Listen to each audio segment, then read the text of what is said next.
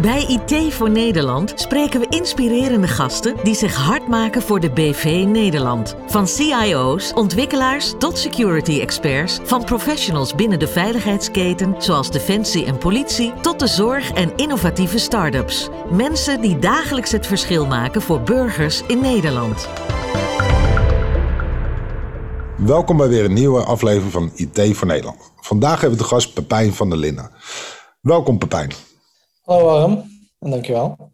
Leuk dat je bij ons bent, want je zit al uh, een hele poos in het uh, user experience vakgebied. Je bent user interaction designer, uh, van huis uit visual designer.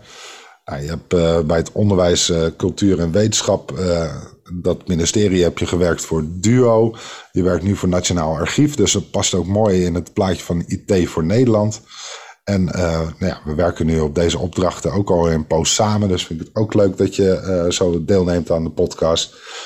En primaire vraag die dan natuurlijk gelijk opkomt is... ja, interaction designer, user experience designer... het barst van de terminologie in onze branche.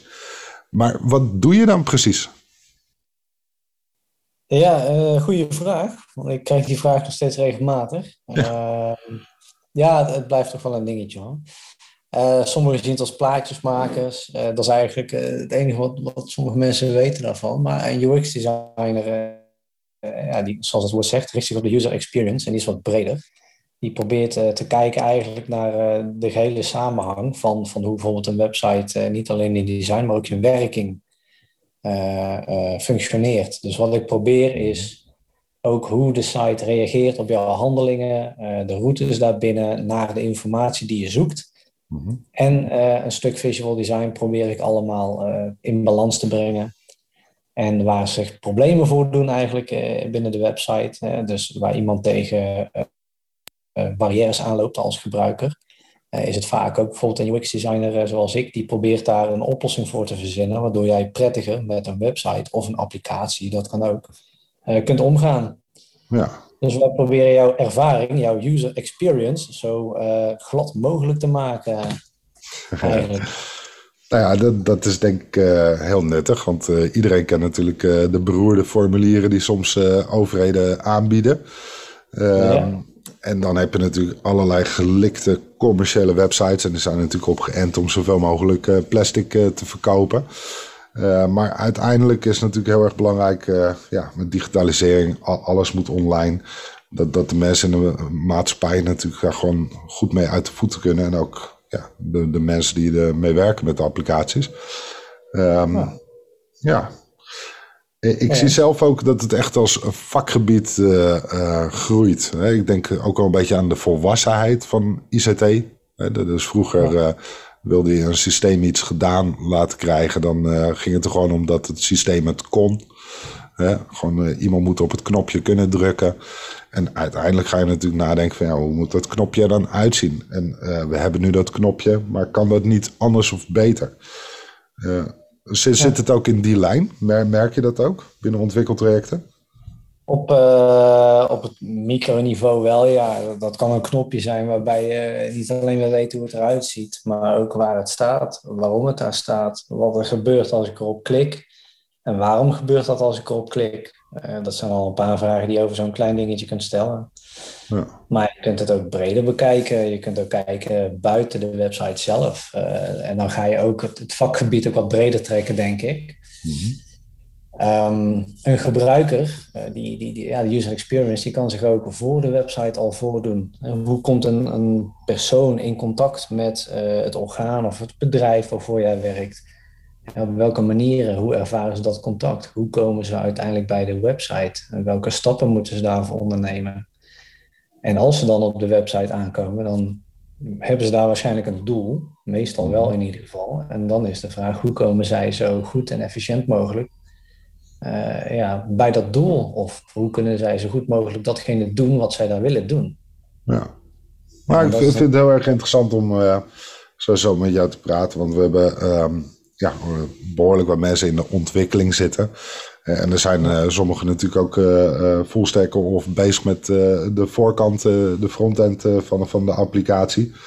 Ehm, maar er gebeurt het inderdaad steeds vaker vanuit een bepaalde gedachte. Er wordt natuurlijk ook ja, vrijwel altijd agile gewerkt. En, en, dan worden er epics gemaakt, hè, wat, een bepaalde applicatie moet kunnen. En dat wordt helemaal uitgewerkt. Ehm, maar bedenk jij die epics? Hoe, hoe hang jij in de organisatie in zo'n team bijvoorbeeld? Uh, als je het over Agile en Scrum hebt, dan uh, hang ik vaak wel binnen een team. Uh, minstens met één been. Mm -hmm. Dus ik loop mee veel met de product owner. Mm -hmm. die bepaalt in principe wat er gemaakt gaat worden, wat de prioritering is. En ik probeer daarbij aan te geven hoe we dat het beste kunnen doen. Of hoe iets zou moeten werken eigenlijk om het fijn voor onze gebruikers te maken. Mm -hmm. Uh, dat probeer ik natuurlijk ook te doen met het oog op de business. Dus ook één been staat vaak wel een beetje in de business. Je praat vaak met de stakeholders buiten je team om een beetje duidelijk te krijgen van ja, maar wat willen zij dan en waarom willen ze dat en, en hoe verhoudt zich dat tot wat een gebruiker graag zou willen. Ja. En dan heb je ook nog techniek van ja, maar wat kan er dan? En uh, waarom kan het wel, waarom kan het niet? Wat kan er dan wel als het niet kan? Dus je bevindt je uh, binnen die organisatie vaak een beetje op een kruispunt waarbij je meerdere belangen moet uh, bij elkaar brengen. Mm-hmm. En uh, de oplossing die jij verzint of bedenkt of in elkaar steekt en ontwerpt, die moet gewoon proberen die belangen zo goed mogelijk te balanceren. maar in de basis probeer je wel te functioneren vanuit het team, omdat dat gewoon ja, uh, ik merk dat dat gewoon prettiger werkt. Dan heb je ook een bepaalde structuur. En je moet toch echt met die mensen het geheel in elkaar gaan steken. Ja. Dan moeten de lijntjes moeten gewoon zo kort mogelijk zijn. Uh, dan zit ik graag naast een frontender bijvoorbeeld, waar ik gelijk vragen aan kan stellen. Of een backender. Of een tester. Of een PO als we ergens tegenaan lopen, waar we gelijk een oplossing voor moeten verzinnen. Dat kan natuurlijk ook. Dus hoe korter die lijntjes, hoe beter. Uh, ja. Dus ja, binnen het team. Ja, nou ja, ik kan me voorstellen dat je als ontwerper, uh, ja, hoe, hoe word je ervaren door, door uh, bijvoorbeeld je teamgenoten? Uh, nou ja, jij natuurlijk als een toffe peer, maar ik bedoel, als we kijken naar nou. het vakinhoudelijk. Um, ja, dus soms wordt iets ontworpen en denken mensen van ja, die, die hebben daar zelf een gedachte bij, of dat had anders gekund, of is daar heel veel samenspraak? Of is dat op een gegeven moment, nou, dit, dit is de lijn? Ja, die, die is heel typisch. Daar heb ik laatst nog wel wat uh, mee te maken gehad bij een van de twee teams waarvoor ik nu uh, uh, aan, de, aan de slag ben. Hmm. ja, het ene team kwam ik als eerste binnen en dat ging eigenlijk vrij, vrij soepel. Hmm. En dan probeerde ik samen te maken. Maar het andere team had al iets gebouwd en dat waren alleen developers. En dan kom je binnen als UX'er en ineens begin je natuurlijk van alles te roepen. Want ja, maar dit kan beter en dat kan beter. En het vervelende is dat je dan, ja, je, gaat, je, je loopt tegen weerstand aan. Zo simpel is het gewoon. En dat kan ik ze ook helemaal niet kwalijk nemen. Want die gasten hebben met hart en ziel zitten werken aan iets. Ja. Dan kom ik daar binnen en dan ga ik ineens roepen dat het allemaal anders moet. Nou, zo erg is het ook weer niet. Maar uh, ja, dat kan toch wel eens uh, moeilijk zijn. En het punt is ook dat je inderdaad een heel zichtbaar uh, beroep hebt, zeg maar. Dus wat je doet, iedereen ziet het. En dat betekent dat gewoon eigenlijk ook iedereen er wel een mening over heeft. Ja. Nou is dat op zich niet erg, want ik ben echt niet de enige met goede ideeën uiteraard. Ook al mm probeer ik te onderbouwen met onder andere data en research, et cetera. En dan kan nog steeds een prima idee hebben wat we kunnen toepassen. Alleen binnen Scrum bijvoorbeeld uh, hoop ik altijd wel dat mijn woorden gewoon meer gewicht in de schaal leggen als het uh, erop aankomt. Ja, nou ja, ik vind het wel. Uh, vaak zien we ook steeds meer in ontwikkeltrajecten dat ja, design, user experience, dat het ook gewoon in een vroeg stadium erbij betrokken wordt. En het is natuurlijk altijd wat lastiger wanneer je inderdaad ja, laat aanschuift, zeker in jouw rol, denk ik. Maar um, de, de interface uh, mens-techniek, uh, wat je mooi, uh, mooi noemde, vind ik zelf heel mooi. En, en je hebt ook nog een heel creatief element. Ja, ja. Dat, dat is denk ik een hele mooie, machtige combinatie. is wel zo, maar dat maakt het ook meteen wel, ehm, ja, hoe zeg je dat? Je, ik, eh, mensen vinden het gaaf als je creatief bent, maar op het moment dat, dat, uh, dat je dat soort discussies hebt, dan gaan mensen het ook zien als een mening. En die is dan net zoveel waard als die van hun. Ja, nou ja, dat, dat is dus. Uh, kijk, over smaak valt niet te twisten. Uh, maar je, je gaf net wel aan, uh, het onderbouwen met data. Hè? Ja, Vaak wordt ja. gezien user experience design van, van mensen uit de buitenwereld. Dat is dus inderdaad, uh, ja, dat is die kunstenaar bijna. Hè? Dan ga je dus inderdaad dat visual designen. Je kan grafisch vormgeven, je kan iets moois maken. En je zei, plaatjes maken. Ja. En net zoals iedereen uh, plaatjes kan draaien op een feestje.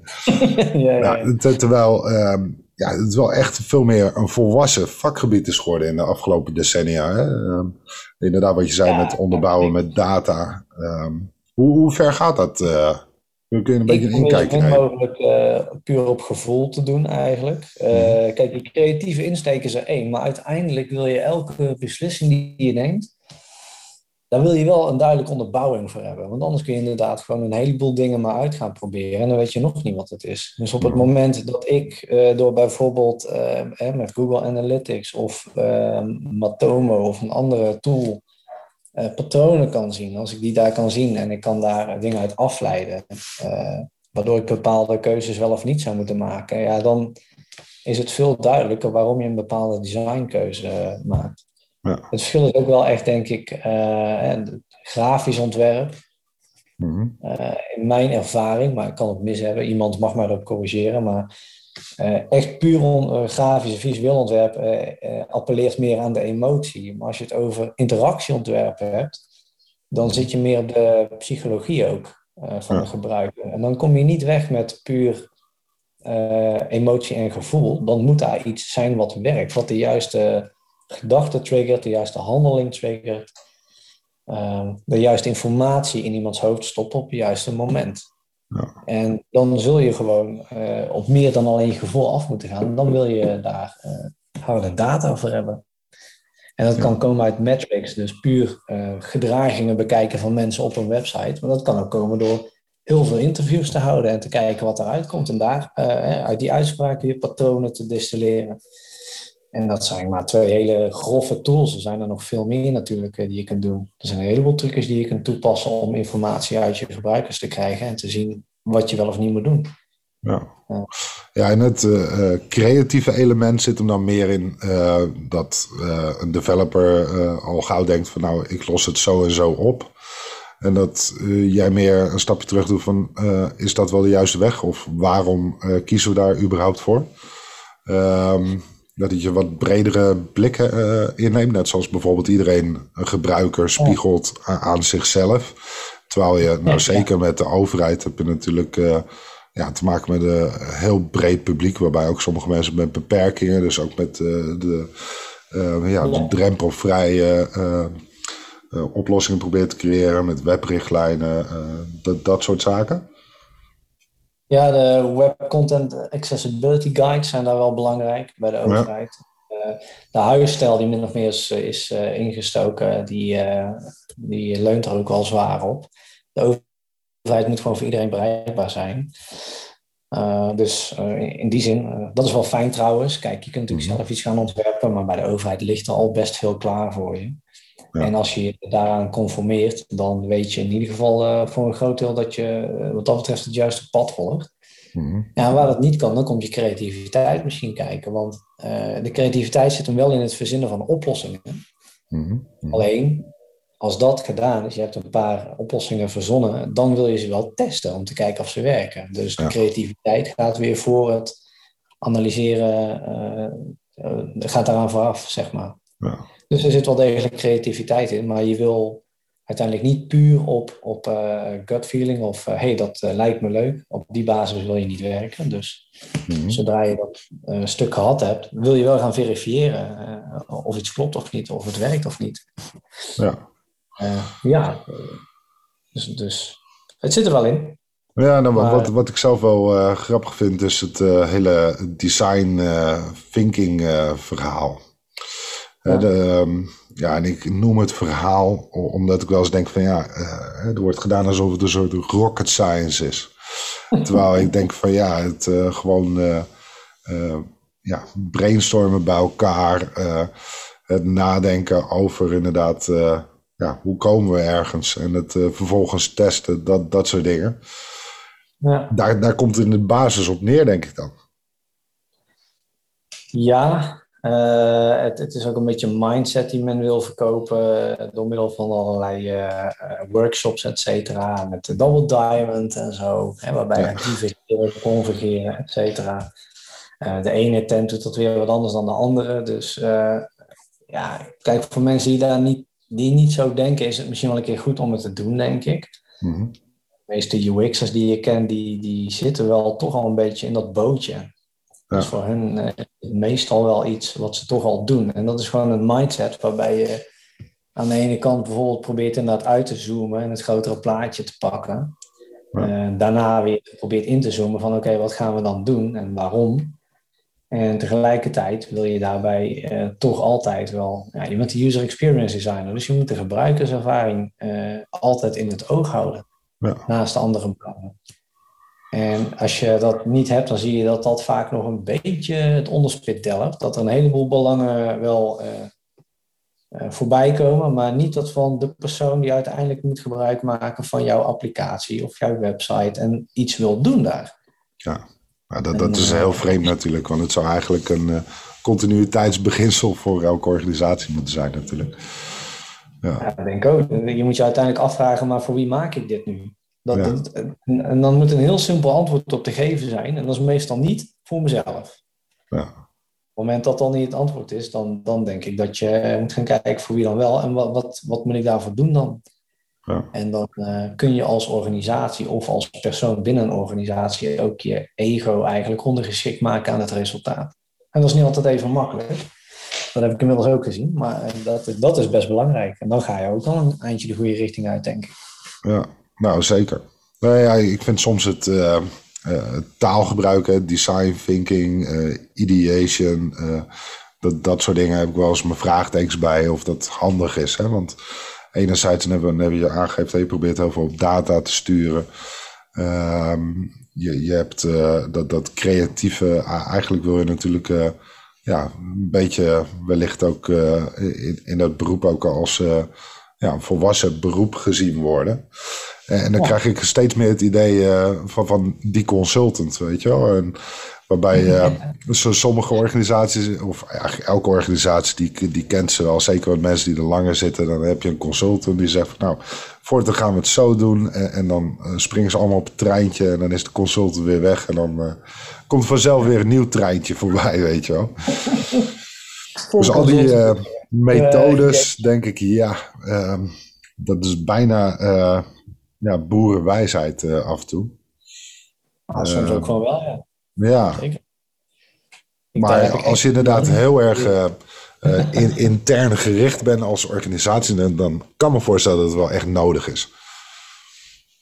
Ja, dat, dat zie je toch nog wel vaak. En, maar dat kan op verschillende manieren. Hè. Je kunt, uh, ik heb het meegemaakt dat het domweg gewoon nog niet duidelijk is van oké, maar we moeten meer met onze gebruikers praten. Want die snappen niet zo goed wat wij nou van ze willen.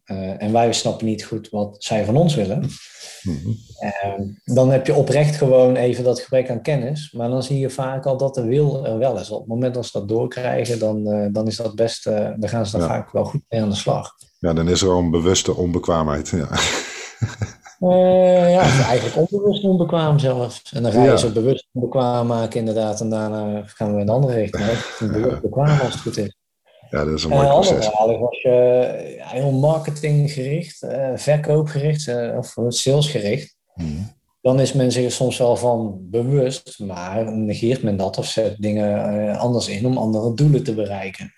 Ja. ja dat kan. Daar ben ik niet altijd even van, laat ik het zo zeggen. Ook dat heb ik wel doen, maar ja. Je, je werkt nu al een poosje voor grote overheidsorganisaties. Ehm, ehm, is dat een bewuste keus geweest? Ja, toch wel ergens. Ik heb heel wat uh, organisaties gehad in de afgelopen jaren eigenlijk. Ook mm -hmm. banken, uh, media, et cetera. En op zich allemaal super interessante klussen. Dat is toch wel reden één eigenlijk dat je dit werk doet. Je kunt je er helemaal in kwijt. Je vindt het leuk om het leven van mensen op het web aangenamer te maken. En makkelijker en prettiger. Uh, dat is super cool. Alleen ja, als je dan ook nog de luxe hebt op een, om een, een ethische afweging te maken, of een morele afweging, voor, joh, maar voor wat voor type organisatie zou ik nou willen werken. Mm -hmm. Ja, ik weet dat de overheid momenteel misschien niet in het beste daglicht staat uh, uh, op het moment, maar er zitten heel veel mensen die wel goed werk proberen te doen. En, en ja. daar sluit ik me dan ook wel graag bij aan. Ik bedoel, de overheid gaat iedereen ooit, nou ooit, je, je komt hier gewoon meerdere malen in je leven tegen, of je nou wil of niet. Je moet ermee communiceren, je moet er wat mee.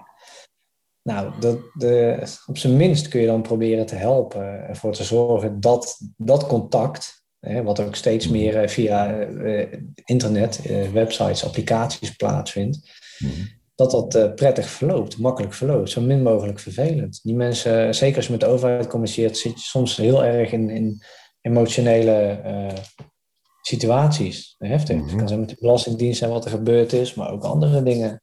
Ja. Uh, bij de gemeente of wat dan ook. Uh, persoonlijke omstandigheden die niet goed lopen. Nou ja, dat zijn gewoon momenten waarop je mensen niet al nog meer stress wil bezorgen met een, een moeilijk traject om tot hun doel te komen of de persoon te bereiken die ze nodig hebben. Ja.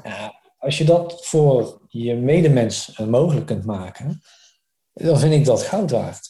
Ja. Uh, ik zal niet zeggen dat me dat altijd lukt natuurlijk. Het blijft altijd een beetje moeilijk. Maar ja, ik, daar, daar word ik blij van als ik dat kan doen. Als ik iemand die uh, daar komt blij uh, wegloopt. Of als iemand die een rottige situatie heeft. In ieder geval dan geen last heeft daarvan. Ja.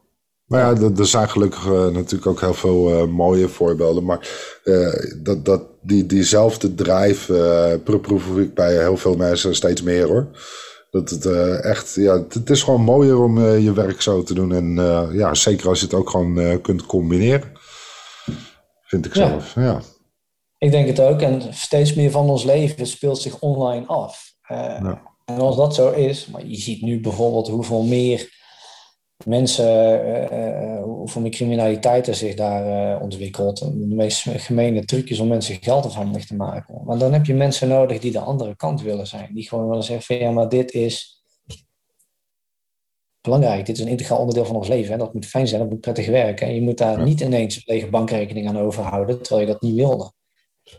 Uh, of wat dan ook. Hè? Dat zijn de meest extreme gevallen dan misschien. Maar ja, ja, of ik gewoon meer, meer plastic verkopen of uh, de, de ouderwetse ja. bank. Uh, nou, nou is de ouderwetse bank heeft wel echt nodig hoor, om meer uh, extern gericht zijn. Maar ja. goed, dat nou, Daar kun je wel bijdragen natuurlijk. maar goed, misschien niet in alle opzichten. Dat, dat is inderdaad een overweging die je voor jezelf moet maken. En, het ethische vraagstuk is uh, lastig te beantwoorden in zo'n geval, denk ik. Uh, ja. Super lastig, want het is leuk als je de luxe hebt. Zo simpel is het gewoon. En zolang ik de luxe heb, zal ik het doen. Maar als je de luxe niet hebt, dan is er ook nog een hypotheek die je moet betalen. Ja, en dan ga je toch... Uh, ja, dan maak je misschien andere overwegingen. Maar ja, dan ja. wordt het sowieso... Hopelijk is het in ieder geval een hele gave opdracht... waarbij ik de mensen die in ieder geval op dat punt gebruik om het te maken... in ieder geval toch weer een beetje een prettige ervaring kan bieden. Ja. Dus. Nou ja, kijk, uh, um, jou, jouw vakgebied is uh, ook gewoon heel hard nodig uh, bij de organisatie waar wij mee werken. En uh, ja. je ziet het ook van, uh, van de ene opdracht naar de andere opdracht uh, is ons ook gewoon gelukt. Ik denk dat je die keuze altijd wel kunt maken. Dat er ja. inderdaad gewoon, natuurlijk heb je een skillset nodig, maar uiteindelijk ja, is het een keuze als je die hebt. dan kun je gewoon kiezen waarvoor je dat doet. Ja, dat is toch super? Dat, dat ja. hou ik wel van. ja, nou ja, dat is voor ons ook een heel bewuste keuze hoor. Ja, nou, mooi. Hey, ja. En uh, als ik kijk naar jouw vakgebied, hè, uh, bij ja. softwareontwikkeling zien we ook steeds meer gebruik van uh, component libraries, hè, het hergebruiken ja. van eh, onderdelen. Eh, dat, dat vindt volgens mij ook plaats in de designwereld.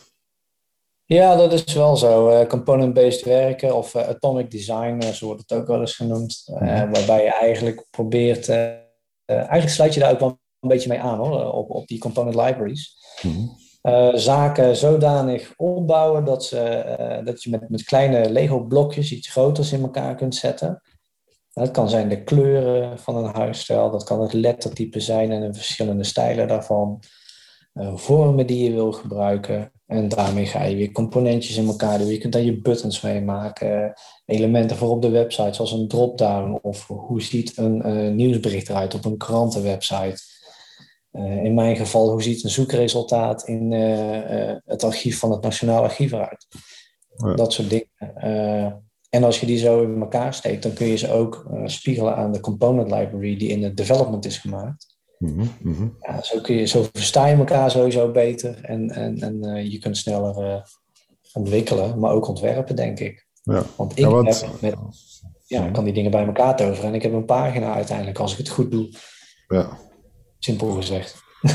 ja, nee, zeker. Het is ook, uh, ja, je kan natuurlijk, uh, nou, dan komen we op die creativiteit helemaal bedenken. Van, oh, dat is leuk als we een datumpicker op, op deze manier gaan vormgeven. Maar uiteindelijk moet je natuurlijk kijken wat, wat verwachten gebruiker. Hè? Mensen verwachten dat ze rechtsbovenin een applicatie kunnen afsluiten, bijvoorbeeld. Ja, ja. Um, dan, dan moet je daaraan conformeren. Um, en, Onder andere. En, ja. Uh, ja, zo'n library maakt het ook gewoon makkelijker, heb ik gemerkt, om met development om de tafel te zitten. Het, het komt iets meer overeen met hoe zij vaak werken. En op zo'n moment kunnen zij pakken wat ik ontworpen heb, uh, omzetten in een uh, component, in de component library in code. En dan hebben zij ook herbruikbare stukken, zoals je net eigenlijk al aangaf. Ja, nou ja dan, dan, wordt het, uh, dan win je gewoon veel tijd, volgens mij. Ja. In alle gevallen ik kan sneller ontwerpen, zij kunnen sneller reageren op mijn ontwerpen, want ze hebben al dingen klaar liggen of ze kunnen ze aanpassen. En dan kun je meer tijd besteden aan het uh, verzinnen van goede oplossingen. Het oplossen van, van problemen die je tegenkomt. Het beter maken van een website. Uh, het beter maken van code. Ja. Bijvoorbeeld. Ook een ding natuurlijk. Uh, nou, dus, absoluut. Dat, uiteindelijk vergt dat ook natuurlijk heel veel aandacht. Ja. Nou ja, dat heb ik wel gemerkt inmiddels. Eh, ik, ben geen code Ik vind het, uh, ik vind het de tovenarij van onze developers. Maar ja, als af en toe voor elkaar, voor elkaar krijgen, dat, ja, ja, want er wordt in heel veel verschillende frameworks gewerkt hè, in, de, in de voorkant. Ja. sommige, ja, wat, wat ouderwetse dan, zo, ja, zo, sommige nieuwere frameworks natuurlijk moderner. Uh, merk je daar zelf verschil van? Uh, wat, wat, het team gebruikt, eh, is dat voor jou van belang? Ja, dat wel. Als, al is het niet zo dat ik daarin hoef te duiken specifiek. Maar wat je vaker hebt, is dat je dan tegen bepaalde beperkingen of andere mogelijkheden aanloopt. Mm dus het ene framework heeft, daar kun je bepaalde zaken misschien wel in, wat in het andere framework niet kan, of makkelijker of moeilijker. Ja. En wat je dan merkt is dat oplossingen die ik bijvoorbeeld verzin, dat die soms uh, meer impact hebben dan je zou denken. En dus meer, meer ontwikkeltijd kosten. Ja, en op zo'n moment ga je dan eerder kijken van, joh, is dit de moeite wel waard? Hebben we daar de tijd voor? Hebben we daar het geld voor? Uh, ja, en anders moet je andere zaken gaan, uh, gaan proberen, andere oplossingen verzinnen. Ja. Dus af en toe keert de wal het schip wel. Uh, daar staat tegenover dat ik wel vaak gelukkig met developers uh, samenwerk die dan ook bereid zijn om te kijken van ja, maar hoe kunnen we dit wel fixen? Want die zien ook vaak wel een uitdaging liggen om binnen dat framework toch voor elkaar te krijgen wat je idealiter zou willen hebben. Ja, dat, is natuurlijk uh, ook voor een ontwikkelcurve mooi. En ja, iedereen wil wat moois maken, dat geldt ook voor hun. Ja. vind ik al wel leuk om te zien als ze dat doen. Dan zeg ik, oké, ja, nou ja, sorry jongens, ik wil best kijken of er iets anders kan. Nee, nee, we gaan gewoon kijken of het wel kan. Oké, okay, cool. Vervolgens komen ze toch aan met iets wat werkt. En nou jongens, hebben het toch mooi voor elkaar. En dan, uh, nou, dat is toch leuk. Dan is ja. iedereen tot of het resultaat gewoon ook. Uh, ja, ja, ja. kijk, ik vind het wel grappig dat je dat zegt, want uh, um, de, de, er is natuurlijk ook een andere cultuur. Hè? We hadden net al even over de drive. Um, En iedereen kent natuurlijk wel uh, ja, de bekende beeld van de, de ambtenaar uh, met de paarse krokodil. Uh, maar, maar dat is dan toch vaak die, diegene die ja, achter, achter de balie zit. Wat, wat echt niet eerlijk is om dat zo te schetsen, maar, maar dat beeld heerst er wel. En ongetwijfeld heb je natuurlijk dat soort mensen nog steeds. iedereen loopt ze eens in hun leven wel eens tegen het lijf. Maar aan de IT-kant merk ik juist inderdaad heel vaak. Ehm, gewoon, gewoon echt een drive, zoals je dat ook gewoon in professionele organisaties ziet, maar ook gewoon ja, uh, de, de 9 tot 5 of uh, dat, dat soort dingen. Uh, nou ja, inderdaad, DevOps, Scrum. Ja. Dus allemaal ja, best wel gewoon heel professioneel. Als ik jou één voorbeeld mag geven van nou ja, ambtenaren tussen twee haakjes die juist knetterhard, nou één eigenlijk, maar die dat, dat in samenwerking, die knetterhard werkt voor begrip van de burger. Maar dat is een UX. Mag ik een schaamteloze plug maken hier? ja, nou, doe het. Uh, dat is een uh, ex-collega van mij bij Duo. Uh, zij zit daar niet meer, maar ze heet Maaike Clip en heeft een weblog dat heet clipklaar.nl. Hmm. En zij is als UX'er enorm bezig om te kijken van hoe kan de overheid beter communiceren met haar burgers. Wat moeten we daarvoor doen? Uh, ze heeft ambtenaren geïnterviewd. En dan krijg je dus gewone mensen die dus, hmm. eh, bij wijze van spreken, de paarse krokodiltype, maar die blijken dan helemaal geen paarse krokodiltype te zijn. We willen wel. Ja. Heel graag. En, uh, maar het, het moet wel kunnen. En, en de, de regels moeten daarop ingesteld zijn, maar ook de IT, de mogelijkheden. Als computersystemen niet aansluiten op de werkelijkheid. En een ambtenaar heeft niet het mandaat om daar zelf dingen mee te doen, ja, dan houdt het op. En dat, dat is zo moeilijk af en toe. Maar je ziet op de vloer, zie ik mensen die knetterhard werken met hart en ziel voor de zaak. Alleen dat zie je niet altijd terug. Ja, nou, iemand pluggen mag trouwens altijd bij ons. Hè? Je weet, we zijn doorlopend op zoek naar de, de beste mensen. En uh, we hebben jou ook aan een gave klus geholpen. Maar het is... Uh, ja, um, uh, weet je, de beste mensen krijgen nog steeds altijd 4-4 hoor. Is ook werkt het, hè? Ja, Maaike zit volgens mij in vaste dienst, maar zij, zij is hier al een tijdje mee bezig. En ze doet dat uh, gewoon. Dit soort dingen zijn belangrijk. Dat zijn uh, uh, initiatieven, daar kan ik alleen maar achter staan, joh. Dus wat dat betreft verdient ze ook gewoon een, stukje aandacht, denk ik. Ja, nou mooi. Dat is super relevant in, in deze. Dus ik zou zeker die site clipklaar.nl een keertje checken. Als je gewoon eens een keer wil zien hoe. Nou, misschien nodigen we er wel eens uit. ja. Ja, ja, dat zou heel interessant zijn, denk ik. Echt waar. Maar goed, dan, dan, dan uh, veel media-UX'ers die ik bij de overheid zie, zitten er ook wel een beetje hetzelfde in. Die willen gewoon heel graag. Uh, en de developers ook, allemaal. Uh, vooral in IT-land inderdaad, zie je dat die driver zeker wel is. Ja. ja, dan loop je soms tegen dingen aan, tegen politiek of tegen andere belangen. En dan kun je gewoon niet alles doen wat je wil. Ja. Dat is jammer. Wat is het een, een complexer ja, stakeholderveld? Of, of wat, hoe ervaar je het nu? Um, ja, je zit er al eh, een poosje in. Ja, ik denk dat dit, dit is, nou, al een jaartje twee of drie zelfs inmiddels. Mhm. um, ja, het is complexer, want de belangen zijn niet per se commercieel. Uh, ja, belangen zijn soms heel anders. politiek is veel complexer, oneindig veel complexer, denk ik. Uh, dan komen soms heel onlogische zaken uit en dat is dan heel jammer. Ik heb ook meegemaakt bij de Duo inderdaad. Een mooi project was dat. Heeft de toenmalige directeur heeft dat ook nog genoemd. dat was Inzien. Ja, ja super project ja. waar je op één plek heel veel data inzichtelijk kunt maken. Maar als, als daar politiek gezien geen draagvlak voor is, dan houdt dat op. Ja, dan gewoon volgend project, ja. Maar dat, dat zie je ook bij uh, banken of zo. Die, die smijten gewoon miljoen ergens tegenaan. En dan van, nou ja, we gaan gewoon iets anders doen. Ja, ja het dat, uh, is wel dat het uh, geld van de bank is. En, en dit is in mijn optiek geld van de belastingbetaler. En dan hoop ik toch wel dat daar wat, wat, wat uh, bewuster mee omgegaan wordt. Ja. ja. af en toe mis ik dat nog wel. ja, daar kan ik weinig aan doen. Ja, wij merken wel dat uh, um, er toch wel uh, bewust mee omgegaan wordt. Dat natuurlijk niet altijd, en er zijn natuurlijk altijd overal misstanden. Maar ja. de, de, de lijn is echt wel heel erg goed. Um, dat, dat vind ik altijd, altijd wel mooi om te zien. Dus ja.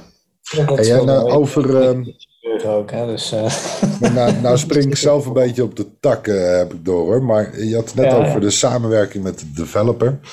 Uh, nou, nou weet ik dat jij een hele toolbox gebruikt um, om prototypes te ontwikkelen, designs te maken, dat soort dingen. zijn daar ook dingen in veranderd? Dat je zegt, mijn tools gaan daar bijvoorbeeld ook in mee? Ja, wel. In de, toen ik ooit begon was het Photoshop. Ja. En uh, als je dan iets aan een developer wilde overdragen, dan had je eigenlijk min of meer een plat plaatje. Waarin jij zelf lijntjes moest tekenen. Dan kon je aangeven, joh, eh, dit zijn de marges, zo groot, zo breed. Alle varianten uittekenen, et cetera. En dat werd dan geknipt, gesliced. En dan kon er uiteindelijk werden dat gewoon plaatjes in een website terechtkwamen. En dat is, met interactiedesign kwam op een gegeven moment, ja, gouden oude is natuurlijk Action. Mhm. Een programma waarin je ontzettend complexe prototypes kon maken. Daar kon je dus al uh, qua interactie veel meer in. Mhm. Qua design was het verschrikkelijk. Dus wat je deed was plaatjes maken in bijvoorbeeld Photoshop of een ander designprogramma en die in Azure importeren. Mhm. En daar kon je het dan laten werken, zeg maar. Uh, ik heb uh, prototypes gemaakt die in principe deden wat de website moest doen. Alleen ja, gaat dat veel meer houtje touwtje. Dus je, moet, uh, ja. je kunt niet in code werken daar. En dat is ook helemaal niet waar ik goed in ben. Mm Dat kostte waanzinnig veel tijd. Dus dan wilde je eigenlijk een prototype maken, ook om te testen bijvoorbeeld. En dan kon je gewoon drie, vier weken aan een deel van de website bezig zijn om te zorgen dat het allemaal klopte. Nou ja, dat is gewoon enorm arbeidsintensief. En de tijd die je daaraan besteedt, die kun je niet besteden aan het uh, uitvogelen van andere problemen en het uh, verzinnen van oplossingen. Nee. Want je bent gewoon domweg aan het maken. En in die zin is het nu wel positiever, denk ik, dat je programma's hebt zoals uh, Sketch en Figma en uh, wat heb je nog meer? Principle, je hebt uh, Framer, Framer X nu. Mhm. Waarin je veel meer de combinatie kunt maken van echt design, in vector zelfs. Je kunt dingen exporteren. Mhm. Je kunt ze prototypen. Uh, ja, het hangt van het programma af wat je hebt, in hoeverre dat gaat. Een framer gaat heel verder in, uh, Principle iets minder. Ik maak nu voornamelijk gebruik van Figma. Nou, daar kun je gewoon ruwe interacties in aanbrengen eigenlijk. Maar daarmee kan ik wel de boodschap overbrengen naar de developers die moeten zorgen dat het werkt. En zij zien wat ik graag wilde doen. Mhm. Uh, plus, dat programma in dit geval is zo zodanig gemaakt dat zij uh, uh, specificaties uh, rechtstreeks uit het programma kunnen trekken. Dus zij kunnen ook in het programma, kunnen mijn ontwerpen bekijken, kunnen de specificaties eruit halen en, en hoeven we dat niet allemaal met een color picker uit Photoshop te doen of zo. Ja, ja, ja. Kijk de code gewoon klaar, copy-paste en door. Ja. En um, ja, je, ze kunnen zelfs live meekijken. En dat is natuurlijk helemaal gaaf. Als wij een overleg hebben, en we lopen een uh, design uh, na of een, of een concept. En er wordt gezegd van ja, maar als we nou zo en zo doen, dan lukt dat misschien wel, want dit kan niet. Dan kan ik à la seconde dat tekenen of uh, voordoen. En zij zien het meteen. Dus je zit letterlijk, real, real time zit je gewoon te ontwerpen waar iedereen aan meekijkt op dat moment. Ja. Nou, dat heeft er bij mij wel voor gezorgd dat het veel makkelijker wordt om ideeën te bespreken, om ze duidelijk te maken en over de bühne te krijgen. En het levert veel directer feedback op. En veel betere feedback ook. Ja, maar ik heb dus... nu ook... Uh, eigenlijk zit ik nu in een uh, tweede ontwikkeltraject... waarbij uh, ook Figma wordt gebruikt. Oh, en okay. dan zit ik zeg maar weer aan de andere kant van de tafel. en ik merk dat ik het zelf ook heel fijn vind. Je hebt direct feedback loop eigenlijk. En ja. ja. je kan inderdaad live voortgang zien, maar daar ook direct op reageren. En dat uh, ja, werkt denk ik heel fijn. En het is altijd veel duidelijker uh, wat iemand bedoelt in plaats van het er alleen maar over hebben natuurlijk. Nou, je ziet het. Je ziet wat, wat iemand wil. Je kunt het laten bewegen, noem het maar. Je kunt het gelijk tekenen. Ja. Uh, dat, ja, je hoeft dat niet zelf te gaan verzinnen of te interpreteren. Er ja. zit niet zo'n grote vertaalslag meer tussen. Dus de kans op uh, vertaalfouten eigenlijk. Van ja, maar wat bedoelt iemand nu? Nou, ik denk dat en dat. De, die kans wordt ook gewoon veel kleiner. Ja. En het proces wordt daar dus ook gewoon sneller van. Uh, bij uh, Duo zat ik nog voornamelijk op Sketch. Mm-hmm. en voor uh, Nationaal Archief, eigenlijk in de, tussen, in de periode tussen die twee opdrachten, ben ik gewoon gaan switchen. Ik, denk, nou, ik ben gewoon heel benieuwd. Ik hoorde zoveel goede dingen over en ik, ik wil dat gewoon weten. Ja. Dus ik ben dat gaan doen. En ja, dat, dat ging heel makkelijk. De programma's lijken in grote lijnen op elkaar, dus de switch was ook weer niet zo groot. Hmm. Maar dat real-time samenwerken, ik heb dat nu een aantal keer gedaan met het team. En ja, ze, zij zijn er ook gewoon heel blij mee. Zij zijn ontzettend positief hierover, omdat je gewoon, ja, het, het, haalt barrières weg. Het is ook, Figma is in dit geval echt gemaakt om samen te werken met je collega's van alle disciplines. Hmm. En Sketch komt daar nu ook mee trouwens. Die hebben dat net gereleased volgens mij. Dus uh, ik ben benieuwd hoe dat nu loopt. Maar ja, goed, voorlopig uh, zit ik goed. Het is een heel fijne tool die mij eigenlijk alles laat doen wat ik wil doen. Ja. In de juiste hoeveelheid ook. Dus. Ja, nou, het is wel grappig dat uh, zo'n zo tool zou je verwachten dat er inderdaad een hele goede user experience design aan de grondslag ligt. Dus, uh... ja, je hebt het redelijk goed gedaan, zou ik zeggen. Toch ja. wel altijd beter natuurlijk, maar ja, zoveel mensen, zoveel meningen wat dat betreft. Ja. Je heeft ook zijn eigen manier van dingen doen. En dat is ook wel iets. Uh, ja. ja, wat over die uh, complexiteit um, qua, qua besluitvorming, ook waar je het over had in jouw vakken.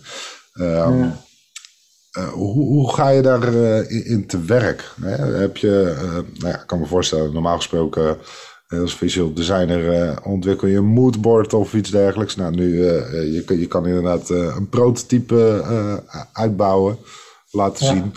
Um, maar, maar, maar er zit natuurlijk ook een verhaal bij. Maar maak je ook gebruik als, uh, van technieken zoals uh, storytelling? Of, of, hoe werkt dat? Waar, waar begin je?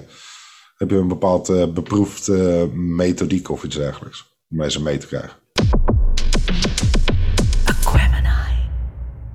Ja, hangt een beetje van de, van de opdracht af en, en wat de situatie is. Maar in de basis probeer je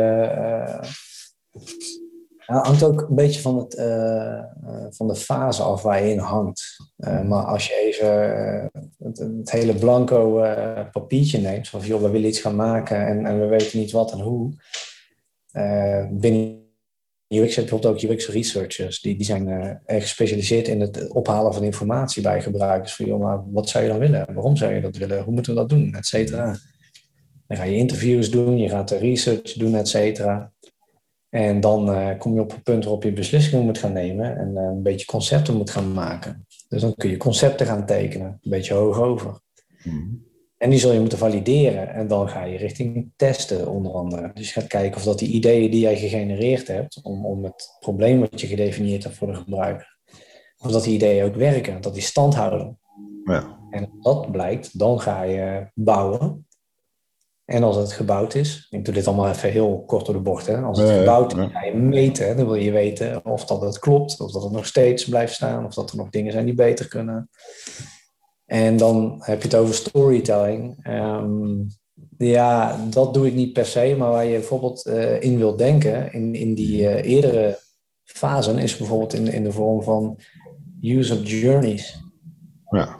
Um, en flows. Dus uh, niet van ik wil een pagina ontwerpen, van deze pagina moet dit doen, maar oké, okay, wat is de reis van een klant welke, of, of een gebruiker eigenlijk? Mm waar, waar loopt hij of zij tegenaan? Uh, ja, precies. En dat je daar dan uiteindelijk een soort van design principes uit distilleert, waar, waar ja, iedereen een soort van ja, consensus over heeft opgebouwd. en dat hij dat dan uiteindelijk daar weer aan ophangt en toetst. Ehm, ja.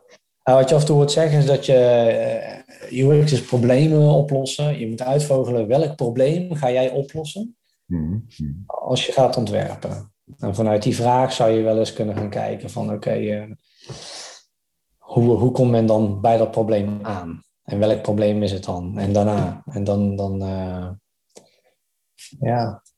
Dat is een brede vraag hoor, vind ik wel leuk deze. Ja heel vaak over gehad. En het blijft, eh, iedere keer als ik erover praat, dan, dan zeg ik het anders. nou ja, kijk, ehm, eh, ik denk, uh, ook als je kijkt naar jouw vakgebied, is het natuurlijk ook gewoon heel breed. Hè? Want je bent eigenlijk over natuurlijk, ja, hoe, hoe interacteert de mens eigenlijk met ja, de machine en de organisatie misschien en zo. Ehm, en, en, dat gedrag verandert ook. Vind ik ook nog even leuk om met je over te hebben trouwens. Um, ja, dat, dan is ook, mensen communiceren met mensen. dus ja, net wat je zegt, dat hangt ook vanaf wie, welk gremium van mensen heb je tegenover je. Hoe hoe zit het in de organisatie? Welke fase is er? Zijn ze inderdaad al bewust van bepaalde problemen of niet? Ook dat, ja. Ja, dus dat, maar ik denk misschien zet je specifieke elementen ervoor in. Hey, maar als ik inzoom op dat ja, hoe gaat de mens met de machine om? Hè? Wij, uh, wij zijn als mensen uh, ja, van uh, Neandertaler konden we een pen vasthouden en, en nu, nu bedien ik een muis en zit ik vooral. ja, maar ogen worden slechter. ja, heerlijk hè. Dat, we, worden we ook ergens beter in als mens? Ontwikkelen wij ons nog?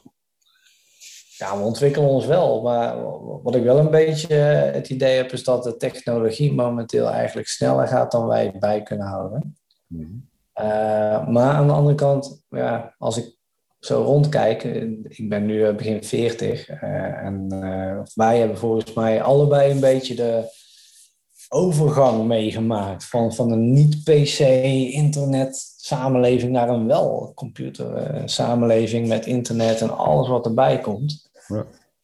En ik zie dat jongere generatie dat makkelijker oppakken. Die, die groeien daarmee op. En ja, dat, dat, dat, uh, dat gaat veel sneller. Eigenlijk misschien wel te snel. Het levert ook wel problemen op natuurlijk. Als je jonge kinderen hebt die uh, lekker op Facebook gaan klooien of allerlei andere hmm. platforms. En, en daar niet de handigste figuren tegen het lijf lopen. Zeker.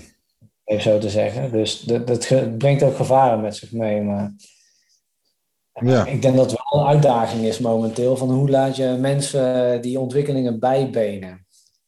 Je hebt nu een generatie die ermee opgroeit. Je hebt de generatie die er nooit iets mee te maken heeft gehad. Onze ouders en grootouders misschien zelfs nog. Uh, dat is best een breed spectrum wat je moet zien te bedienen. Of helemaal niet kunt bedienen misschien in sommige gevallen. Ja, nou ja, kijk, eh, over de veiligheid uh, is zeker iets wat we niet moeten onderschatten. Daar, daar hebben we wel verschillende gasten over gesproken, ook met IT ja. van Nederland. Dat is gewoon heel erg belangrijk. Maar als ik kijk inderdaad naar, net wat je zegt, hè, niet, niet elke persoon kan iets voor elkaar krijgen met een bepaalde applicatie. Of althans, je doel is, zeker ook binnen een overheidsorgaan, om dat wel toegankelijk te maken, ook voor mensen, zelfs met een beperking. Ehm, maar ik denk dat de mogelijkheid van uh, de mensen om, om zo'n taak te kunnen uitvoeren, bij wijze van, ook gewoon groeit. Is zo. En gelukkig, nou ja, dan nou, dat is natuurlijk wel een beetje in mijn eigen keukentje. Maar ik ben wel blij dat in die zin de UX uh, steeds meer op de voorgrond komt. Want we worden er langzaamaan wel onszelf volgens mij steeds meer van bewust dat het belangrijk is dat je op die manier naar eh, IT, naar applicaties, websites kijkt, alles waar mensen überhaupt, want het is de websites, maar het kunnen ook gewoon interfaces zijn van een apparaat wat je gebruikt. Ja. Daar zit ook UX'ers op. Maar dat je uh, jezelf er steeds meer van bewust wordt dat dat voor een, een, mens gemaakt wordt en het ook meer op die manier gaat benaderen. Dat is iets waar we wel de laatste tijd volgens mij beter in worden. Ja. Toch? En dat vind ik een positieve ontwikkeling. We zijn Zeker, gelukkig maar. Ik bedoel, uh, iedereen is, uh, we, we, zijn met name natuurlijk uh, IT'ers die, die de podcast luisteren. Maar ja. we zijn ook allemaal gebruiker. En ja, iedereen kent goede en slechte voorbeelden, maar daar word je gewoon niet vrolijk van.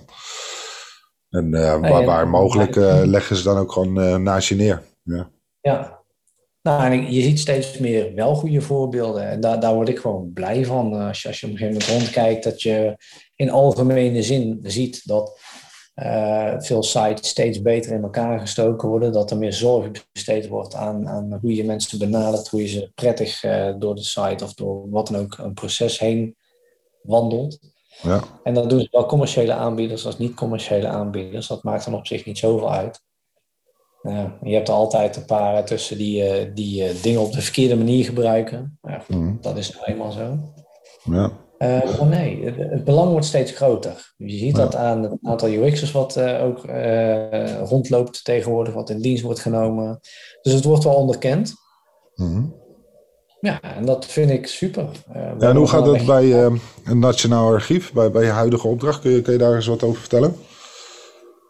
Daar ben ik op dit moment volgens mij de enige UX-designer. Mhm. Dus dit is al een mooie stap. ja, zeker. um, Wel heel leuk trouwens. Ze hebben daar een aantal plannen om, om de zaken natuurlijk klaar te maken voor een meer online gedreven, hoe zeg je dat, aanpak. Mhm. En ze zijn bijvoorbeeld dingen aan het digitaliseren, zodat je niet meer eh, in persoon naar het archief hoeft te gaan, maar hele goede scans online kunt gaan bekijken. Ja. Nou ja, dat is natuurlijk super. Uh, zijn ze al een tijdje mee bezig, maar ze hebben mij er uiteindelijk bij gehaald, geloof ik, toch met het idee van ja, we willen toch graag eens kijken hoe een UX'er daarover denkt en, en, wat hij of zij daarover te zeggen heeft en, en hoe we dat kunnen aanpakken. Dus je ziet dat ook daar wel het besef leeft van oké, we komen hier op een punt waar we er iemand bij willen halen die, die hier verstand van heeft. Ja, en die, ja dat is uh, goed dat, uh, dat dat aanbreekt. En uh, er is denk ik heel veel mooie dingen die ze kunnen ontsluiten. Ah, dat, zeker, het is zo gaaf. Ja. Daar is zoveel te vinden, joh, echt waar. En nou zit je natuurlijk altijd met, met zaken op de achtergrond. En zo, hè? Hoe zit een digitale depot in elkaar en zo. Hoe zit die structuur in elkaar? Welke informatie hang je op welk niveau aan welke bestanden, et cetera? Dus dat levert echt nog wel uitdagingen op. Mhm. Maar goed, dan is de uitdaging hoe uh, gaan we met die, binnen die beperkingen toch kijken hoe we mensen zoveel mogelijk toegang kunnen geven tot ja, die enorme schat aan rijkdom. Ja, vindbaarheid. Ja. Zeker vanuit het idee met, met, eh, met slavernijverleden, et cetera, uh, Indonesië, noem het maar. Het zijn allemaal uh, items die dan in het nieuws komen. En dan zie je dat mensen daar toch even achteraan gaan. Die komen bij het Nationaal Archief. En ja, die willen er graag in graven. Maar ja, ehm, er ligt 146 kilometer papier, wat gedigitaliseerd moet worden. Dat is best veel. Dat is best veel. Ja, dus daar zijn ze wel mee bezig. En dan moet je nog zorgen dat mensen uit al die documenten datgene vinden wat ze zoeken. Ja. Nou, dat is best een uitdaging. Ja, zeker. Anders is het net alsof je naar Egypte op vakantie gaat zonder uh, Lonely Planet of uh, Google Maps. En uh, gewoon, ja. je wil wat interessant zien, maar loop maar eens in de woestijn rond. Ja. Oké, okay, waar staat die piramide? Geen idee, man. Ik heb hier een wegwijzer. Ja, die heb je toch wel nodig, lijkt mij. Ja. een routebeschrijving naar de juiste ook nog eens een keer. En Ah, ik vind het een heel cool project. Zo simpel is het gewoon. Ja. Maar ja, iedereen kent uh, de kracht natuurlijk van Google Search Engine. En die vraagt zich altijd af van ja, hoe kan het dan nou niet zo werken binnen waar, waar, ik dan mijn applicatie zoek. Maar je ziet daar ook heel veel mooie technische dingen, heel veel trajecten waar we dat aan het verbeteren zijn. Zeker ja. wel. Ja, maar je loopt gewoon tegen, tegen zaken aan in, in de de structuur van, van hoe het is opgezet, maar ook uh, de, de mogelijkheden van de databases waar het in zit, et cetera. Ja. En dan kun je het misschien als Google doen, want die hadden misschien wat minder legacy toen ze begonnen, of zijn bereid geweest om dingen weg te gooien, maar dat kun je hier zomaar niet doen. Het kost zoveel tijd om dat spul digitaal te maken, want dat, ze zijn nu bezig met, met, met uh, manieren om dat uh, te automatiseren, maar als jij nu een, een scan wil maken, dan moet iemand gewoon een, een heel oud document onder een scanner leggen en gaan scannen. En als je dan wil weten wat erin zit, ja, dat haal je niet uit de JPEG, zeg maar. Dus dan zul je een beschrijving moeten gaan maken als mens. Wat zit hierin? Wat kan ik hierin vinden? Uh, welke periode beslaat dit? Welke personen komen hierin voor? Ja. Dat is enorm arbeidsintensief. En ja, als dat dan niet per se aansluit op wat ik denk dat het zou moeten zijn, ja, dan kan ik dat wel willen. Maar uh, daar heb je jaren werk als je dat moet aanpassen, joh. Dus dat, uh, ja, dat gaat niet zomaar. Nou ja, de deels kan je waarschijnlijk wel een stip op de horizon uh, daarvoor zetten, maar inderdaad, ja, binnen de mogelijkheden. Ja. Eerst kijken van, dit zou ideaal zijn en dan hier zitten we nu. Nou goed, wat kunnen we nu als ja. volgende stap verbeteren? En zo ga je met kleine stapjes incrementeel vooruit. En als ik daar uiteindelijk uh, weg zou gaan, dan hoop ik dat het gewoon een, eh, een, stuk prettiger werkt. Dat mensen daar blij van worden. En dat mijn collega's ook blij zijn met wat ik voor ze heb gedaan. Dus uh, ja, ja. En als ik kijk naar de toekomst, hè? Ja. Um, van, van het vakgebied User Experience Design. Hè? We, we hebben, krijgen steeds meer, nou, denk aan Alexa's en dat, dat soort voice aangedreven applicaties in huis. Hè, dus worden gewend om op een andere manier de applicaties te gaan aansturen, wellicht denk ik dan. Ehm, tegelijkertijd hoor ik zelfs Elon Musk dat misschien over tien jaar dat, dat je ook gewoon met je brein met een chip dingen kan gaan aansturen. Nou, we hebben natuurlijk artificial intelligence, die ja, besluitvorming ook wellicht ons kan gaan helpen. Dus waardoor we wellicht ook op een andere manier applicaties gaan gebruiken of gewend raken te gaan gebruiken. Meer als een soort iemand die met ons meedenkt of voor ons denkt, nog erger. Um, en uh, de, de wearables moet ik aan denken. Dus denk aan uh, je smartwatch, die vertelt go and see the doctor. zo, zo komt het wel op heel veel dingen natuurlijk in ons leven. Um, waar, waar de user experience ook, nou, we hadden het over een breed vakgebied, nou, dat, dat gaat nog veel verder reiken. Maar, maar hoe, hoe zie jij zelf de toekomst? ja, het pad wat jij net beschrijft, dat zal zich gewoon voortzetten. En, en uh, op plekken komen waar we nu nog niet aan denken, volgens mij. Uh, hmm. Het is inderdaad uh, interactie via een website. Nou, dat is eigenlijk nog het meest basale, zo'n beetje. Ja. je telefoon in je hand, inderdaad. Wearables, je, je horloge, maar ook wat hadden, had de ABN dat laatst? Een ring waarmee je kon betalen. Hmm ja, user interfaces zijn niet altijd een scherm voor je neus. Dat is ook een beetje iets wat reageert op het moment dat jij het wil, op de manier waarop jij dat wil. Mhm. En dat gaat veel verder dan een scherm voor je ogen natuurlijk. Dus uh, ik vermoed dat dat nog wel toe zal nemen. Ik weet niet in welke richting, daar durf ik geen uitspraak over te doen, maar uh, het zal veel meer geïntegreerd gaan raken inderdaad, uh, denk ik. Ja, nee, gewoon een heel ouderwets voorbeeld bijna. is uh, denk aan uh, die, die bekende Google-bril. Ik kan me voorstellen, een nationaal archief, uh, dat je gewoon met augmented reality ook bepaalde projecties kan krijgen. ja, dat, dat is inderdaad ja. wel, wordt veel op ingezet momenteel ik, ik moet zeggen, ik vind die nog niet, uh, dat die nog niet heel hard aanslaat eigenlijk. Terwijl het toch wel ontzettend handig is, uh, op de juiste manier toegepast. Ja. Maar misschien zijn we nog op zoek naar de manier waarop het wel prettig wordt en makkelijk. En, en, ja, nou, bij, bij sommige dingen ligt het uh, meer voor de hand of heeft het direct een grotere toegevoegde waarde. Ja. Ik denk aan een bekend voorbeeld is hoe zet je dat verdomde tafeltje in elkaar van Ikea? nou is het tafeltje nog makkelijk, maar probeer maar eens een kast met 700 stukjes.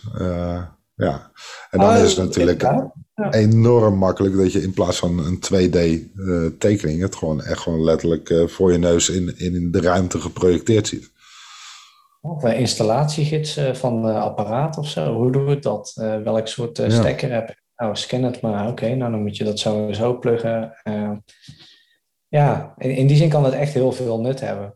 Ja. En je merkt dat dat nog een beetje in de kinderschoenen staat. Maar ik ben benieuwd op welke gebieden zich dat nu uh, uiteindelijk het beste gaat uh, ontwikkelen. Want er zal ineens, als er een toepassing komt waar het fantastisch werkt, waar het uh, niet geforceerd voelt eigenlijk, denk ik. Mm. Als iets ongeforceerd, maar juist heel natuurlijk voelt.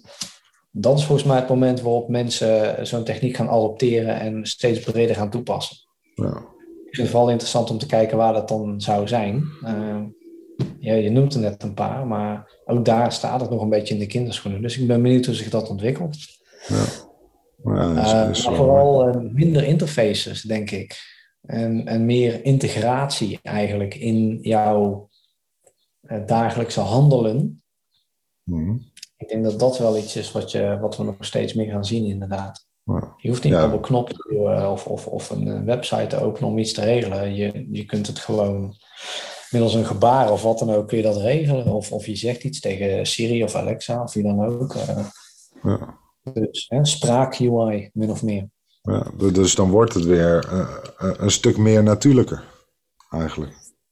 Ja, al uh, is dat een leuke, want je merkt ook, ik doe dat zelf ook en ik, ik las daar laatst iets over. Sommige mensen die gebruiken Siri nog steeds niet, omdat het gewoon niet goed genoeg is. Dus je moet een bepaald niveau hebben van interactie Wederom, waarbij je gewoon zo weinig fouten tegenkomt dat het een vlekkeloze ervaring wordt. En op het moment dat dat gebeurt, ja, dan gaan mensen er wel mee aan de slag over het algemeen.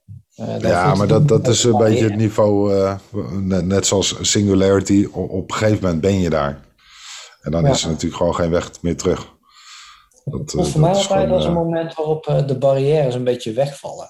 Mensen zijn, als je bepaalde moeite moet doen om iets voor elkaar te krijgen, tot een bepaald niveau is dat te veel. En dat is al vrij snel trouwens. En vanaf een bepaald niveau wat je bereikt hebt, dan is dat niet meer zo. En, en dan wordt het interessant voor mensen om het veel te gaan gebruiken. en dan, dan zie je ado ja, adoptie eigenlijk veel breder plaatsvinden. Ja. Maar zie je het als met chatbots of van, van die spraakgestuurde menus over de telefoon? Dat, dat, dat is echt inderdaad vaak nog zo verdomd slecht. Um, ja. Waar, waar soms ook wel weer mooie voorbeelden zijn trouwens, maar die, die zijn schaars. Ja, ja dat, dat is wel zo. Ja, en chatbots ook. Uh, chat op zich bijvoorbeeld wordt door veel mensen echt positief ervaren. Hè? Als jij bij een bedrijf kunt chatten. Je hoeft niet te bellen, dus het is niet zo confronterend. Maar je hebt wel gelijk contact, want een mail duurt te lang bijvoorbeeld. Nou, chat, perfecte tussenweg. Maar als je als een chatbot hebt die maar vijf vragen snapt, nou, het zijn er wel iets meer, maar dan ze, ik heb het op een gegeven moment ook gehad. En denk ik, ja, maar ik weet dat jij dit niet weet. Dus ik typ gewoon, ik wil een medewerker spreken. Bats. Ja. Nou, bij dat bedrijf was dat perfect opgelost, want ik kreeg gelijk een medewerker aan de lijn. Dus dat was goed. Ja. Maar zo haal je, je geeft me de mogelijkheid, maar je geeft me ook de mogelijkheid om meteen de frictie of de barrière te vermijden als ik weet dat die er toch wel gaat zijn. Ja. ja vond ik wel mooi opgelost. Uh. Ja, nou vaak is zoiets gewoon nog vanuit uh, efficiency gedreven. Uh, waar het dan uiteindelijk inderdaad niet efficiënt voor de gebruiker werkt. Nee, maar meer wel efficiënt voor de financiën van een bedrijf of zo. Ja, uh, ja dat, dat, is vaak ja. wel een Ja. Niet zo lelijk, maar het is wel echt zo. Ik heb dat gewoon meegemaakt. Dat, dat uh, klantenservice gewoon niet optimaal was, omdat dat te veel geld kost. En ik snap wel dat er geld verdiend moet worden, maar mijn persoonlijke opvatting is dat je als uh, onderneming, uh, als jij goed bent voor je klanten, dan blijven ze terugkomen en dan weten andere klanten jou ook te vinden. Ja. Dat is mijn mening. Maar dat betekent wel dat je op de lange termijn moet denken en dat zie ik niet overal terug. Zeker. dat is jammer. Uh, dat geldt voor alles. Hè? Kijk, vaak uh, zie je natuurlijk gewoon korte termijn gewin. Dat heeft ook te maken met een bepaalde prikkel, psychologisch. Maar ook ja, tegenwoordig natuurlijk als het draait om centjes, natuurlijk gewoon om aandeelhouderswaarde en dat soort dingen. en reputatie ja, komt te voet, gaat te paard en dat soort dingen. Maar pas het slechte nieuws, ja, dan pas gaan mensen dingen veranderen. En dat, uh, ja. dat, dat vind ik zelf ook wel mooi aan de organisatie waarvoor we werken. Is dat natuurlijk dat belang ligt gewoon heel anders. Dat, ja, inderdaad. Het is mooi om te zien uh, hoe, hoe je daar ook ja, mee bezig bent en daar ook voor hebt kunnen kiezen. van, volgens mij heb jij heel mooi werk, Pepijn. ik heb super werk. Ik hou van werk. Ik vind het fantastisch. Zelfs al is het niet even makkelijk, maar het is wel voor mij de leukste baan die ik uh, me kan bedenken op dit moment. Ja. Behalve misschien op een tropisch eiland zitten en daar de boel bewaken, weet ik veel. Maar verder. Eh, ja.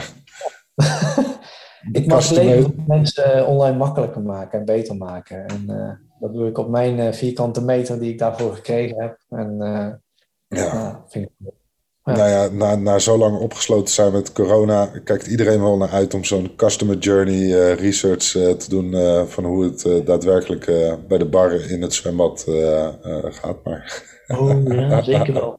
Dat ga ik ook weer regelmatig doen, kan ik je wel vertellen. mooi, mooi man.